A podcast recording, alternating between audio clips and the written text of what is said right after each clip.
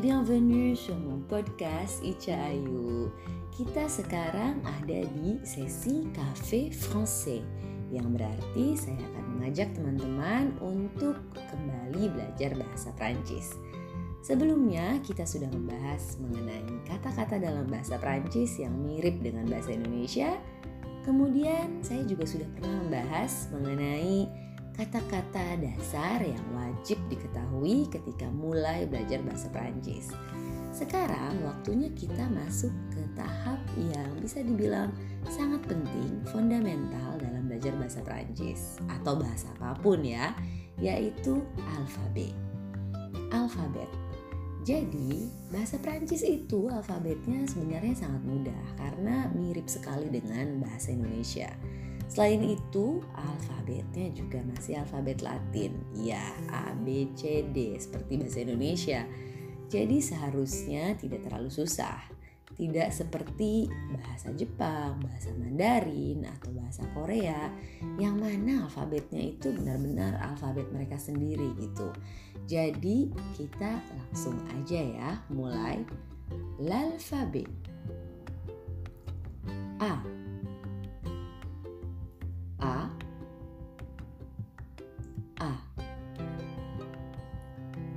B.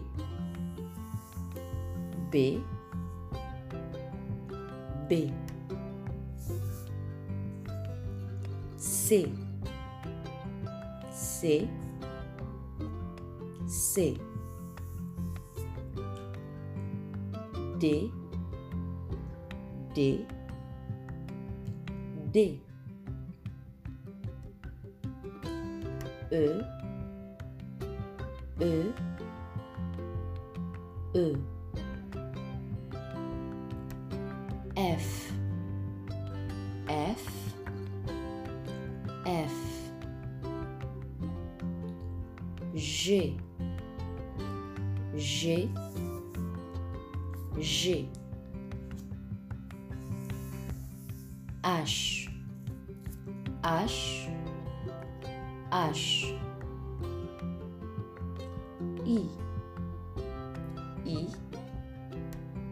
I J. J.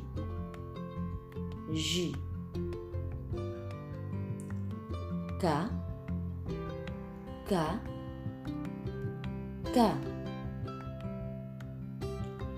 L. L. L. M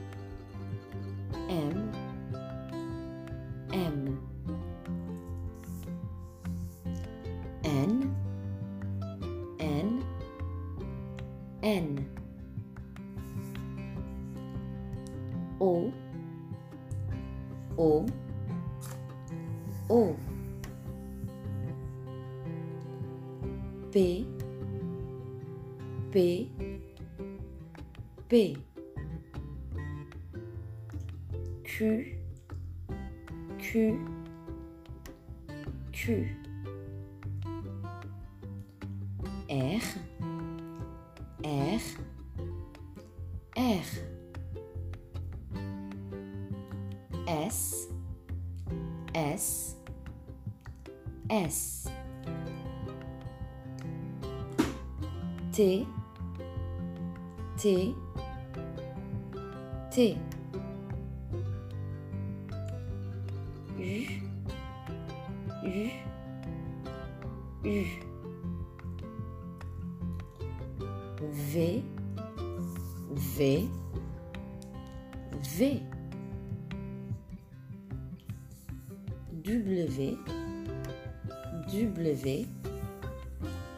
W X X X Y Y Y Z Z Z Cukup mudah kan? Karena seperti yang saya bilang, mirip, mirip banget dengan bahasa Indonesia. A sama kalau dalam bahasa Inggris kan A jadi A, I jadi apa I jadi I gitu kan kalau ini sama A ya A I ya I gitu loh yang beda eh, saya perjelas sedikit ya mungkin yang sedikit berbeda itu di E dalam bahasa Indonesia jadi E E ada juga J J J Ayo, yang mana yang G, yang mana yang J. Saya aja nyaris kebalik tadi. Jadi ada G itu J. J. Kalau J itu J. J. Kemudian ada juga yang berbeda lagi itu Q. Q dan saya tahu ini cukup sulit. Saya juga butuh waktu yang cukup lama untuk bisa menguasai. Ada juga U, U, dan ada yang mungkin agak sulit untuk orang Indonesia yaitu V. V. Jadi ada F, ada V. F, V. Sebenarnya ini mungkin akan lebih e, bagus, maksudnya bisa kalian lebih lihat detailnya kalau dengan bantuan visual. Jadi bisa lihat gimana pergerakan mulut saya. Seperti yang mungkin sudah banyak yang tahu, untuk itu saya sarankan coba lihat e, channel YouTube saya ada bagian alfabet. Bahkan saya membuat video tersendiri untuk bagaimana cara melafalkan u dan eh itu dia eh juga mungkin cukup sulit jadi uh, lebih baik kalian simak saja video tersebut karena sebenarnya kalau untuk bisa menguasai pelafalan hmm, fonetik istilahnya gerakan mulut dan lidah itu sangat penting. Jadi oleh karena itu saya sarankan uh, lihat saja videonya bisa dilihat bagaimana posisi mulut saya ngomong biar lebih jelas gitu. Karena ini pun sebenarnya saya merekam tuh sambil ngeliatin mulut gitu. Seolah-olah saya ada di depan kamera padahal sama sekali enggak. Jadi silahkan dilihat uh, videonya biar lebih jelas. Dan uh, sekarang saya akan ulangi tapi lebih cepat ya A B C D E F G H I J K L M N